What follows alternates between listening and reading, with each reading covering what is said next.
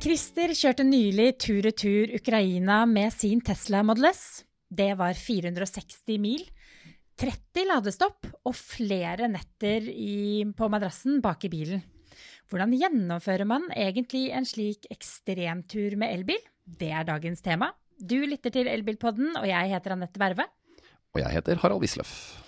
For ordens skyld så må vi også ta oss og fortelle at Christer Tonheim, som vi da har med oss i studio, er en god kollega av oss. Han er NAFs tallknuser og eh, selvproklamert elbilnerd. Og over gjennomsnittet interessert i tall og elbil, Christer. Det stemmer, det? Ja, det gjør jo det. Jeg må jo innrømme det. Du kjørte jo altså for kort tid eh, siden da ned til grensen til eh, Ukraina. Hva var motivasjonen din for å skulle kjøre ned dit og ville utgjøre en forskjell i den krisen vi ser der nede nå?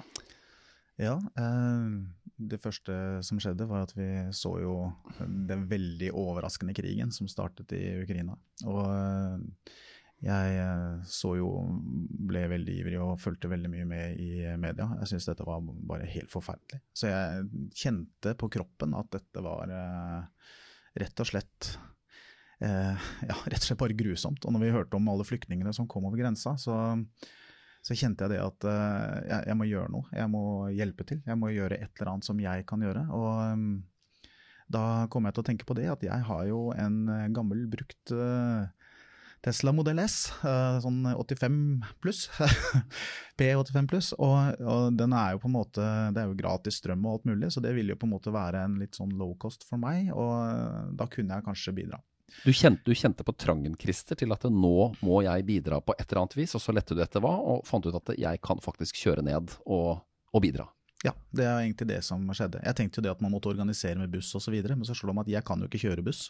Så hvis jeg velger å bruke syvseteren eh, min istedenfor, så kan jeg jo faktisk hjelpe ganske mange. Og det blir en tilleggskapasitet som ellers ikke ville vært der. Så det var litt av logikken min da. Men så prøvde du å få, liksom, skaffe informasjon om hva du skulle gjøre, om det var noen steder du skulle henvende deg, og det var jammen ikke lett?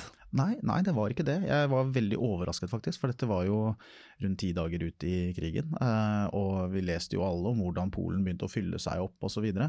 så jeg ringte rundt til ulike organisasjoner i Norge, som Caritas, Norsk Flyktninghjelp, eh, Kirkens Nødhjelp osv. Men det var rett og slett eh, ingen som hadde noe organisert hjelp fra, med å transportere flyktninger fra Polen og, over til Norge. Så, eh, men når jeg pratet med, norsk, eh, med Kirkens eh, Nødhjelp, så sier de at nei, det er faktisk bare private initiativer, sånn som det er nå. Og det er veldig nødvendig, og det er veldig bra hvis noen kan kjøre. Og da kjente jeg det at ok, dette, da, jeg, da, da gjør jeg noe riktig i hvert fall. det er i hvert fall ikke galt. Men da bestemte du deg for å kjøre. Hvordan, hvordan planla du turen? Ja, nei, jeg tenkte jo det at det kunne vært nyttig om vi var to sjåfører. Så det var egentlig broren min og jeg som tenkte vi skulle kjøre sammen nedover. Eh, og eh, det som skjedde var at eh, dagen før vi skulle dra, så ble han sjuk. og når han da ble sjuk, da var det sånn å nei, hvordan gjør jeg dette her nå? Eh, det, da begynte jeg å føle litt på at dette blir langt. Men så kjente jeg også det at kan jeg liksom tillate meg å på en måte si at nei, nå syns jeg det var litt langt å kjøre, så jeg tror jeg dropper det. Eh, mens det er liksom folk som har rømt fra hjemmet sitt og hvor husene blir bombet osv. Skal jeg da liksom føle på det, og så ikke stille opp? Og det, jeg kjente rett og slett at det kunne jeg bare ikke Jeg kunne ikke på en måte leve med det, kjente jeg. At jeg da skulle bare trekke meg. For da har jeg liksom kommet så godt i gang. Hvordan planla du, for å spørre sånn? For det var jo Altså, hva, hva, hva tenkte du å ha med deg? Skulle du kjøre med tom bil, eller var det liksom planen din for din innsats der nede? Mm. Nei, altså, det første er jo at jeg har jo kjørt flere ganger til Italia med den Modell S-en. Og det er jo en fantastisk bil å kjøre langturer med. Jeg er vant til å gjøre det, jeg har gjort det flere ganger. Jeg sover i bilen nedover. Veldig, veldig ålreit. Eh, jeg gjorde det litt annerledes nå, for før så har jeg bare tatt en pocketfjærmadrass og lagt inn bak, så da sover man jo som en konge bak i den bilen. Eh, men på denne turen så skjønte jeg det at nå må jeg liksom ha plass til all oppakningen til de som eventuelt skal være med tilbake. Uh, og da var det veldig viktig for meg å ikke ha med noen ting. Uh, sånn at uh, jeg prøvde å pakke så minimalt som overhodet mulig. Så jeg tok med litt liggeunderlag. så tok jeg med litt tepper og puter, for jeg tenkte kanskje det kunne være godt for noen som skal sitte lenge i bilen og ha et teppe over seg. Eh, og kanskje er så osv. Nå har jeg heldigvis varmeseter også i baksetet, så jeg kunne jo på en måte varme på andre måter også. Men, eh, men, eh, jeg løp inn på Jysk og kjøpte en madrass på 75, en luftoppblåsbar madrass, til 137 kroner. Som jeg angrer blodig på at jeg gjorde. For neste gang skal jeg ha en litt større en, for jeg ramla den madrassen så mange ganger i løpet av natta. så neste gang så tar jeg en bredere madrass. Men hva da med tanke på ladestopp? La du en plan, eller bare begynte du å kjøre? Ja, altså det, fine med modell S-en er jo at den legger planen sjøl, sånn at du på en måte slipper å tenke. Uh, du, du, på en måte gjør sånn som opptrer på samme måte som du gjort med hvilken som helst annen bil, men du er nødt til å planlegge litt underveis. Uh, sånn at for meg så er det blitt sånn at jeg kan bare sette meg i bilen og bare kjøre når som helst, egentlig. Det er ikke noe hvor jeg vil. Det er, det er ikke noen hindringer i det. Det er alltid masse ladestasjoner også, i hvert fall på Tesla så er det det. Så selv Excel-nerden i deg trengte liksom ikke å lage en sånn nøyaktig plan for hele reisen ned, altså? Nei, bilen gjør jo det automatisk. Ja. Det, den, liksom, den legger alle ladestoppene nedover. Uh, men det er ikke sånn at du ender opp på de ladestoppene. Men du får et ganske godt inntrykk av hvordan turen vil være, og, og hvor mange ganger du må regne med å lade. Hva sa den, hva sa den antall ladestopp den forventet at du måtte gjennomføre det? Jeg lurer på, kan det, Var det 12, 12 eller 13 ladestopp? Nå husker jeg ikke akkurat tallet, men jeg tror det var noe sånt på én strekning. da. Så, så, det var et stykke. Det er helt ekstremt. Men altså, Christer, du, du, kjenner bilen din over gjennomsnittet godt. Det tror jeg kanskje vi er nødt til å ta med inn i denne historien her. fordi du, eh, du har jo brukt din egen bil for å forske på forbruk, ladehastighet og finne ut av hva som påvirker elbilens uh, forbruk. Så du, du, kan bilen din godt. Uh, kan vi ikke bare begynne med uh, Tesla Model S? Hva slags bil er det å reise med på en sånn type langtur? Hva er styrken, hva er svakhetene? Oi, ja. Um, styrken eh, vil jeg jo si at du bare går og setter deg i bilen. Eh, den, jeg er jo så heldig med, ettersom det er en gammel eh, modell S, så er det jo gratis å lade på alle Tesla-stasjoner. Så det gjør jo at kostnad, kostnaden ved å reise er jo forsvinnende liten. Eh, men, eh, men, det er riktig som sier, jeg har jo jeg har kjørt land og strand rundt i Norge eh, for å kjøre opp og ned fjellvegger. over Hemsedal, over til Åndalsnes, Dombås. Jeg har jo testet den på samme måten som vi gjør i, i Elprix med NAF. For å se hvordan den reagerer. Og det jeg visste på forhånd, var jo det at denne bilen her, selv om den nå er åtte år gammel og har gått 170 000, så går den faktisk 38,5 mil på testruta til NAF. Uh, og jeg, jeg, trodde jo egentlig at batteriet skulle være litt svakere, men det, det, holdt, uh, det, det, holder utrolig godt, faktisk. I hvert fall på min, uh, på min, da. Og da går det i hvert fall ikke noe dårligere på europeiske veier nedover? Jeg, Eller kommer det an på hastigheten, kanskje? Det er det som er greia. Det, er, hastigheten er jo veldig annerledes, og det gjør en del med hvordan, hvordan man må tenke. Både på grunn av både pga. Uh, hvordan ladekurven på bilen er. Uh, og det her varierer jo elbilene veldig. Er jo, noen har jo ladekurver som, som, gjør at den øker og øker i effekt, mens andre har en ladekurve hvor du går opp til en topp, og så synker den brått. Mens tredje bil kan gjerne ha en høyt nivå hele veien. Dette, det viser jo testene våre, da. Og hva er Tesla Model S-en din? Den eh, går veldig raskt opp. Det, det, kommer på det kommer an på hvor mye du har igjen eh, på batteriet. Så eh, for meg så har det vært veldig viktig å tømme batteriet så mye som mulig. Å ligge så nær null, mellom rundt 0 og 5% For da får den en veldig bratt kurve hvor den går opp til 127 kW. Og så synker den veldig brått etterpå. Eh, så det er ladekurven på den. Og det gjør at med den bilen så lønner det seg å lade heller flere ganger eh, enn å lade 80 eh, eller 100% hvor det går veldig veldig treigt. Så for meg så, så, var det da viktig å ha kjøre raskt, tømme, tømme batteriet og å lade opp til sånn rundt 55 det tror jeg jeg fant ut. Men det igjen så avhenger det av den enkelte ladestasjon. For det er noen som har ganske kort avstand mellom ladestasjonene, mens det er andre som har litt lengre, eh, lengre avstand. Sånn at eh, jeg pleier alltid når jeg stopper bilen, så pleier jeg å sette meg ned og så ser jeg på hvor neste ladestopp er. Hvor langt er det? Eh, hvor mye eh, trenger jeg å lade nå for å komme til neste sted? Uh, ja. Så dette er takeawayen til sommerferien til folk altså, som skal på elbilferie. At uh, vit litt om ladekurven og, og, hvordan du skal lade. Og så er det veldig lett å liksom tenke at nei, vi kjører til der som passer tomt, og så lader vi til 80% og så kjører vi videre. Mm. Men hvis man er enda smartere, så kan man faktisk spare litt tid da, på å være sånn taktisk på lading. Ja, det, det, kan man. Og det er veldig forskjellig fra bil til bil. Mm. Det er Man må lære å kjenne sin egen bil litt, fordi de har så forskjellige ladekurver. Eh, Modell S-en har jo som sagt denne brå, bratte, bratte kurven, eh, hvor du på en måte går veldig raskt opp til veldig høyt nivå, og så synker den ganske raskt ned igjen. Og så blir det en sånn avrunding kan man si, av kurven. da. Så det gjelder å, gjelder å på en måte finne et slags optimalt eh, Sweet spot her, altså. Ja, det gjør det. Mm. Men det, det, som er krevende da, når du skal kjøre så langt som det her, er at uh, hvis du bruker bare én ladestrategi, så blir du forferdelig sliten. Fordi du klarer ikke den eh, monotone måten å kjøre på. Eh, og det gjør at det er veldig viktig når man velger ladestrategi, så må man følge med på hvor våken og uthvilt man er hele veien. Sånn at eh, i perioder hvor du har litt ekstra krefter, eh, så kan det være veldig lurt å tenke veldig optimaliserende. I form av å heller ha høyere hastigheter der hvor det går an å ha det. Eh, tømme batteriet raskt. Eh, og så lade raskt og ikke så lenge. Mens andre ganger, så når du begynner å bli sliten, så orker du ikke det. Eh, og da må du på en måte ta noen litt lengre pauser, og da er det veldig godt å lade opp lenger. Og da kan du kanskje hoppe over en ladestasjon eller to, da. Uh, ja.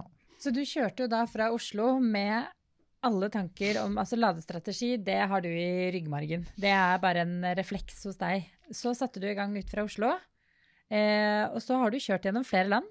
Eh, som har ulike hastigheter, ulik tilgang på superchargere. Så hva møtte deg da i praksis som avviket fra teorien? Og det er mye. Eh, det ene er jo Det er faktisk veldig mye. Fordi at eh, bilene er generelt veldig følsomme. Elbilene er veldig følsomme for avvik fra uh, det optimale. Og i Norge f.eks. så er vi egentlig ganske heldige, fordi at fartsgrensene fartsgrensen osv. gjør at det er ganske optimale forhold for elbilene i Norge med hensyn til hastighet. Men når du begynner å komme nedover i Europa, da, da, er det plutselig helt andre hastigheter. Da har du jo 120-grense, du har 130-grense, og du har også fri fart. Og det med fri fart, det er det er eh, både skremmende og veldig morsomt.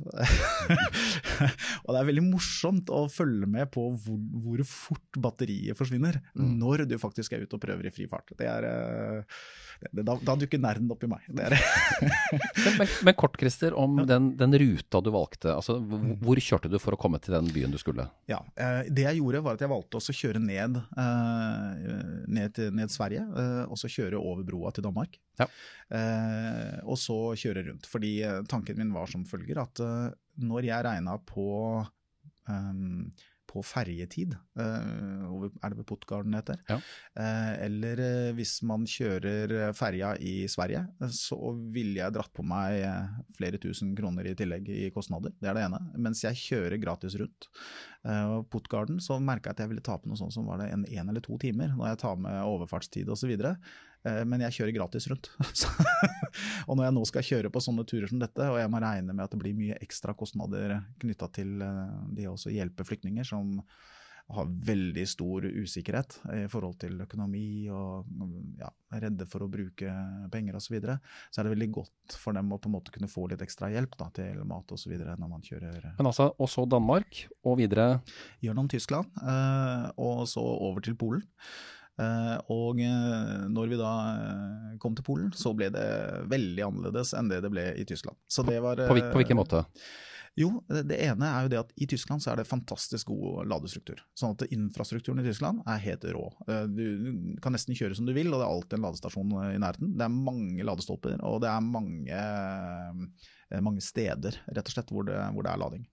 Jeg har fulgt med på Polen litt, for jeg har tenkt litt på å kjøre gjennom Polen i tidligere år.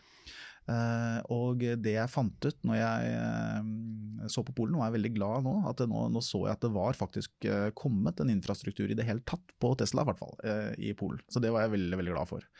Men det jeg ikke var klar over, var at det var mellom 20 22 mil mellom hver ladestasjon. Uh, og de hadde bare fire stolper på hvert sted. Nettopp. Og det skapte en del hodebry og problemer for meg. Fordi uh, ladekurven på den Modell S-en som jeg har, er sånn at uh, den synker ganske brått. Sånn at når du er rundt en 45-50% batterikapasitet, så begynner liksom Da begynner det å gå litt treigere etter hvert. og Eh, det som da eh, skjedde, var at eh, der var det fire Teslaer som sto og lada. Og i tillegg til det så var det seks Teslaer foran meg i kø.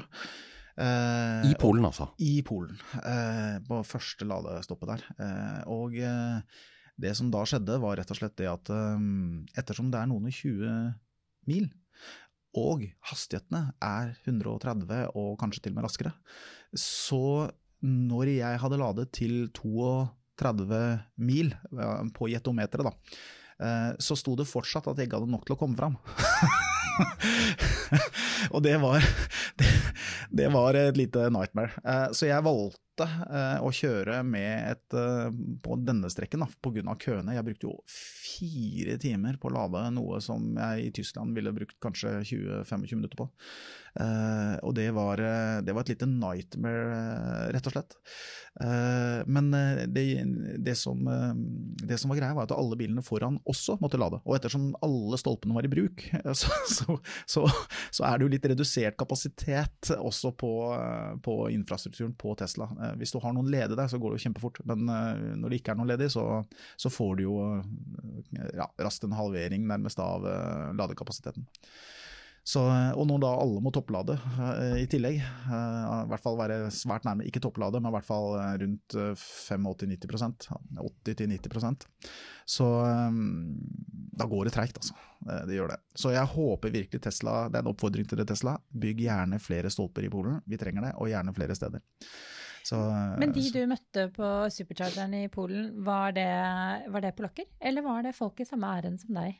Ja, du, Det var faktisk veldig morsomt. fordi at eh, når jeg kom ned til Polen, eh, så møtte jeg en eh, jeg, jeg, jeg, vet ikke om jeg skal kalle det Tesla-entusiastgjeng, men alle hadde i hvert fall Teslaer. Og en hadde til og med dratt med seg en svær campingvogn som han hadde kjørt fra Norge. Så det var, var ganske spesielt. Og de hadde organisert seg noe som het Emergency Food Run for Ukraine. Så da tenkte jeg det at uh, min plan var jo opprinnelig at jeg skulle oppsøke noen organisasjoner eh, der nede for å hjelpe de mens jeg var der.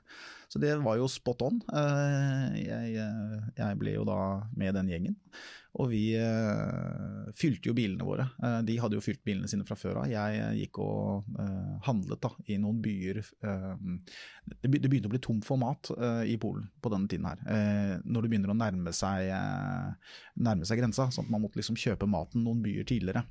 sånn at vi brakte det da ned til, til grensa. Mm. Men Christian, når du sitter da alene enten og kjører eller sitter på ladestasjonen, hva tenkte du om oppdraget og det du kom til å potensielt se? Ja, altså jeg Du må ha gjort deg noen tanker underveis? Ja, jeg gjorde det. For jeg fikk jo Det var jo veldig mange som var sånn Ja, men er ikke det farlig, ja? Nei, dette her er jo ikke Det er ikke trygt, og nei Og så videre. Veldig mange venner og andre som eh, fokuserte mye på det. Eh, jeg tenkte det at ja, det kan være det, men, men hva har disse menneskene gjennomgått, og hvor farlig er det ikke for dem, eh, tenkte jeg litt da. Så jeg jeg, jeg, hadde i hvert fall det i hodet mitt. Eh, og eh, når jeg da kom ned, så den siste ladestoppen, der var det jo masse FN-biler. Eh, så det var tydelig at jeg tror de var på vei over til Ukraina. Jeg er veldig usikker på hva de skulle, men jeg, satt og tenkte på dette med krigsforbrytelser osv. Og så kom jeg da fram til grensa ved Lubliv og Caritas, som er da en uh, katolsk hjelpeorganisasjon. Uh, og etter å ha fylt bilen med babymat, uh, baby... For du, du, handlet varer på forhånd ikke sant, for å, for ja. å bringe ned til grensen? Ja, jeg gjorde, jeg gjorde, det i Polen, for da kan du også hjelpe det lokale næringslivet litt. Så det er en veldig bra, veldig bra greie hvis man tenker på å gjøre noe sånt nå. Mm. Så eh, da blir det litt dobbelthjelp for polakkene. De trenger virkelig hjelp nå. De er utrolig flinke og gode mot ukrainerne. Og, eh, men de trenger hjelp, rett og slett. Det, det er eh, Kapasiteten blir brukt opp, rett og slett. Det er det som er problemet, og da klarer de ikke å hjelpe de andre som kommer. Hvordan ble du tatt imot der nede, når du kommer med din bil og har handla og det var egentlig De var så glad, og de var så høflige og takknemlige. Og det kom en gjeng på fem stykker eh, som eh, eh, Nå kjenner jeg blir litt rørt, fordi eh, det kom en gjeng på fem stykker. Og de liksom 'Vi skal hjelpe deg å tømme bilen, og tusen takk for at du kommer med dette.' Og det var veldig, veldig glad da, for å få, få eh, denne babymaten og så videre.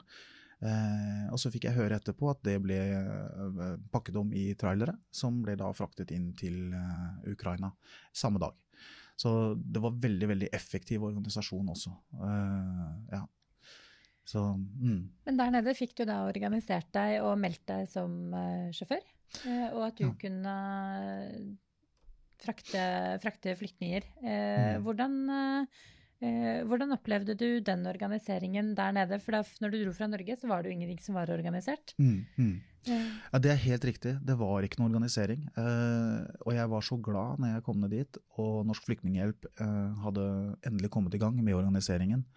Eh, nesten sende en takk til Anna. Eh, veldig, veldig flink oppi det kjempekaoset som var der nede. Eh, og det er ja, det var hundrevis av senger tett i tett i haller. Det var gamle og barn om hverandre. Og det var en lang kø med frivillige som ønsket å hjelpe til å kjøre. Så vi måtte ned og registrere oss. Eh, Levere pass og på, få registrert bilen.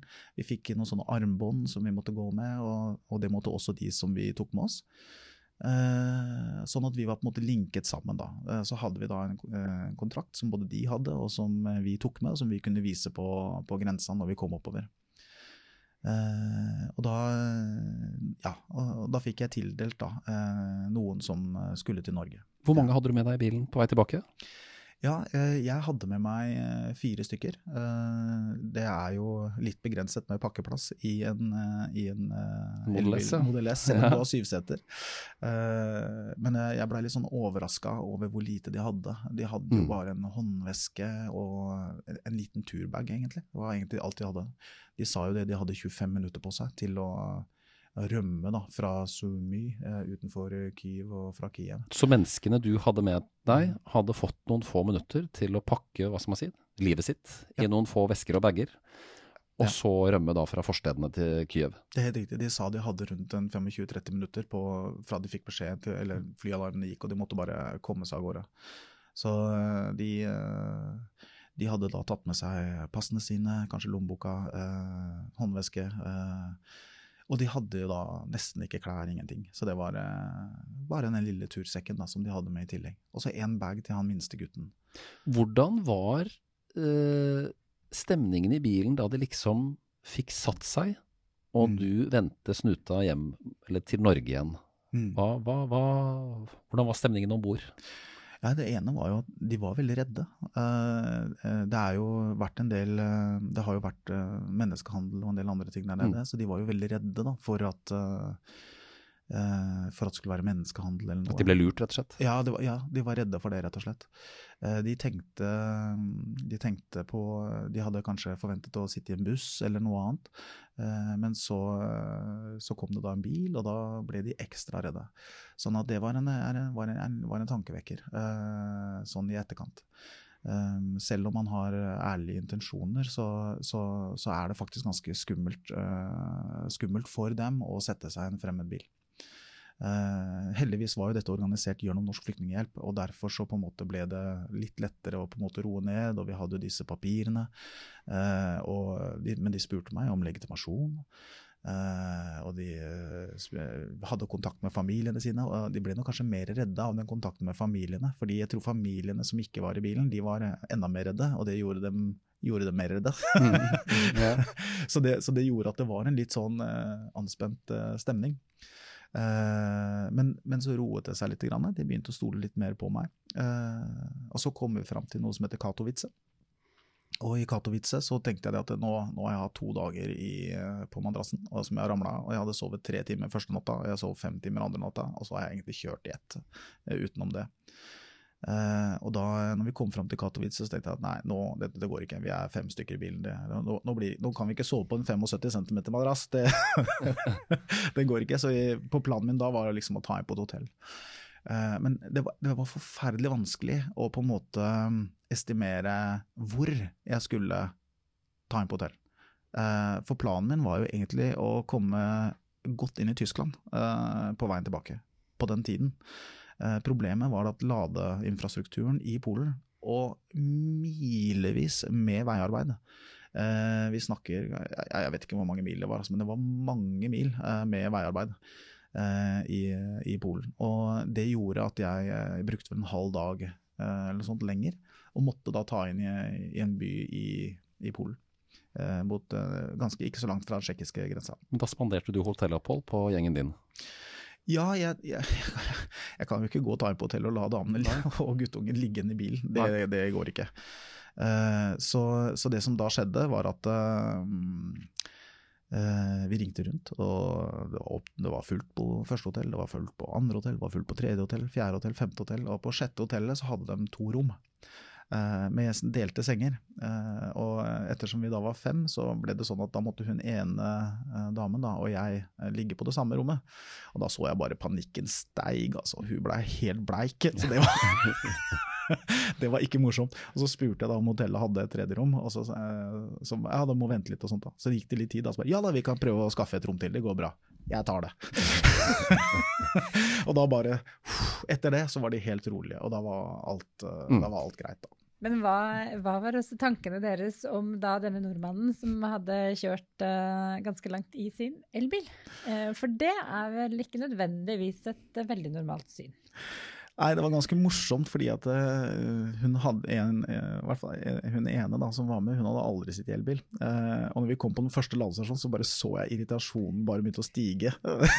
det var nesten som en sånn liten sånn dampsky over hodet på henne, hvor hun hvor, bare, sånn, bare sånn Oh my God, what what will we do if uh, if, uh, if you're short of time or something? det var tydelig at det var skikkelig irritert, men det, det, det var irriterende. Jeg prøvde å forklare det at det er faktisk pga. at her er det ganske dårlig infrastruktur i Polen. Men uh, når vi kommer til Tyskland, da går det mye fortere!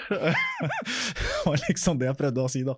Men det gikk jo treigt på tre første ladestasjonene før vi kom ut av Polen, så det var, det var litt dårlig start. Mm. Men vi har en bedre opplevelse til slutt, det har de. Når vi kom over i Tyskland og oppover, da, og infrastrukturen blir bra, da får du liksom en helt annen opplevelse. Mm. Og da er det godt faktisk å lade. Så eh, du, du lengter etter neste ladestopp. Så, så, det har vært veldig godt på sånne turer. Ja. Nå er jo du vel hjemme, eh, og de du også eh, fraktet med deg fra, fra Polen, er, er vel framme i Norge. Når du ser tilbake på turen, og hvis vi skal holde det Det er utrolig mange spørsmål vi kunne sittet og snakket om videre, men hadde den turen vært gjennomførbart med noe annet enn en Tesla? Ja, altså Nå er det jo mange bra elbiler som har kommet. Eh, men man er avhengig av å ha en ganske ny elbil eh, hvis man skal gjøre det. Hvis ikke så blir det fort litt meningsløst. Hvis du sitter med en av de eldre, brukte elbilene, eh, så må du lade veldig, veldig mye. Men men nå så er det jo kommet såpass mange gode elbiler. Eh, og det var jo, jeg, jeg, la jo merke til at det var ladeinfrastruktur også for andre elbiler der. På de ulike stedene. Sånn at eh, jeg tenker det at du kanskje kan til og med få en bedre tur enn det jeg gjorde. Eh, rett og slett fordi batteriet mitt går vel, har en kapasitet på 38 mil. Eneste jeg er litt usikker på, fordi vi har jo ikke testet disse andre elbilene i høyere hastigheter. Uh, og det er en ganske viktig del av turen. Uh, jeg merket meg at det å ligge sånn rundt 120-130 f.eks., uh, det var en ganske god hastighet med den Modell S-en. Men hvis jeg hadde dårlig tid, og det var litt grann kortere mellom ladestasjonene, så merka jeg at hvis jeg ligger sånn i 140-145, det, det, er liksom ganske optimalt, faktisk. Litt avhengig av distansen mellom ladestasjonene. Eh, og igjen på andre ladestasjoner så, så lå jeg litt sånn Vi måtte prøve bilen litt, innan. det var jo litt rart. Vi må jo, må jo, måtte jo teste. I hvert fall på veien ned. da. På veien tilbake så ble det jo litt mer sånn gå sakte-aksjon, 120 hele veien. Men, men, det var ganske, ganske interessant når man nå blander jeg litt, faktisk, for nå blander jeg litt med Italia-turen min. Altså, men, men, men en sånn vi, vi, lå jo i en, i en, kø i 185 eh, km i timen eh, med den gamle Modell S-en min på den forrige turen min. Eh, og da, da, da, på de svingete veiene ned mot Alpene, så, så, så, så seig køen fra meg i 185 km i timen. Da satt jeg der og kjente på Jeg tør bare ikke å kjøre fortere! Syns det var en god plan, jeg ikke kjører fortere enn det. Ja, men det er forferdelig å se, liksom, altså når du har da en hel kø Det er ganske mange biler, og, og køen siger fra deg 185. Da, da, skjønner du at det går fort. Så, men, men, med den jeg har nå, så, men den P plussen, for den har disse luftfjæringene, da kommer de virkelig til sin rett. Mm. Eh, eh for det første, i, i rundt 160 eh, km i timen, så senker trekker eh, bilen seg eh, automatisk. Eh, legger seg helt lavt og stiver seg opp, sånn at i disse kurvene så ligger den som et frimerke. vet du. Mm. og da var, da, da, det var gøy, da. Og så måtte jeg jo teste toppfarta, da, hvis jeg, hvis jeg får lov å si det. Det var litt sånn, Jeg hadde samme opplevelsen når jeg testa toppfarta som det jeg hadde på den gamle mopeden min, den der Caminoen jeg hadde da jeg var 16. for den var plombert på 50. for jeg følte liksom at her hadde jeg mye krefter igjen. Og så kom jeg opp og så at nå begynner det å nærme seg 215, og så plutselig bare Og så stoppa jo hele greia! så vi liksom fikk en sånn nøkk framover. Så det var tydelig at det var en slags plombering eller noe på 215. da. Men jeg klarte å presse den opp i 217 i nedoverbakke. En sånn lang, uh, seig nedoverbakke. så kom du tilbake til Norge ja. med flyktningene. Ja. Og så ble de plassert på det som da kalles et bosettingstilbud for uregistrerte flyktninger. Altså alt dette som vi forsøker å få til i Norge nå. Mm. Har du noe kontakt med dem nå, eller utvekslet dere noe, eller uh, lurer du på hvordan det går med dem? Eh, vi har beholdt eh, litt kontakt. Eh, det er jo veldig mye å ordne og, og fikse, så, så, jeg på en måte forsøker å hjelpe til da, så godt jeg kan. Mm. Eh, og man blir jo litt veldig bundet da, til de man på en måte har hjulpet. Eh, man blir glad i dem, rett og slett. Eh, så, så, det er litt sånn viktig å på en måte være litt klar over også, hvis man ønsker å organisere eller gjøre noe på en eller annen måte. Så eh, regn med at du blir knytta til de du, du, er med, at man får et spesielt forhold. Så eh, ja. Og så ble jeg veldig overrasket. Min mor bestemte seg plutselig for å åpne huset, og det gjør at vi har en flyktning som bor hjemme hos min mor, da. Nettopp. Så det var, Hun er 72 år og valgte da å gi ut et rom da, inntil hun finner seg en leilighet. Mm.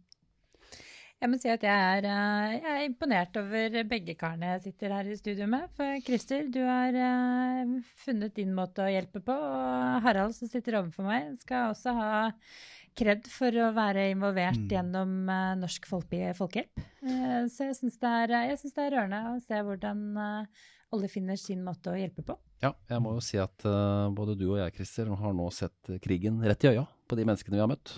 Mm. Og mennesker i krise. Jeg på rigget uh, mottak, og du på faktisk da dra ned og transportere mennesker. Mm. Uten at vi liksom kan anbefale alle om å sette seg i en bil og kjøre ned, men ja. det er lurt å gjøre litt forberedelser. Mm. Uh, og det lar seg gjøre med en elbil. Det gjør mm. det. Så jeg håper dere der hjemme satte pris på en litt annerledes elbil på den episode. Og Christer, takk for at du delte din erfaring med oss. Jo, takk. Takk for at jeg fikk komme. Det var veldig hyggelig. Og så kan du abonnere på denne podkasten i alle tilgjengelige podkastapper og Spotify og på YouTube. Og du kan finne oss på Facebook, eh, NAF Elbil på Facebook. Vi er på Instagram også. Har du et spørsmål, så kan du gå på Facebook-sidene våre og så kan du stille et spørsmål direkte på Messenger til oss. Og så er vi tilbake, Anette, om 14 eh, dagers tid med en ny episode av Elbilpodden. Og så kan vi si det altså, teknisk ansvarlig for sendingen her var Peter Jacobsen, og vi ses og høres om 14 dager. Ha det bra! Ha det godt!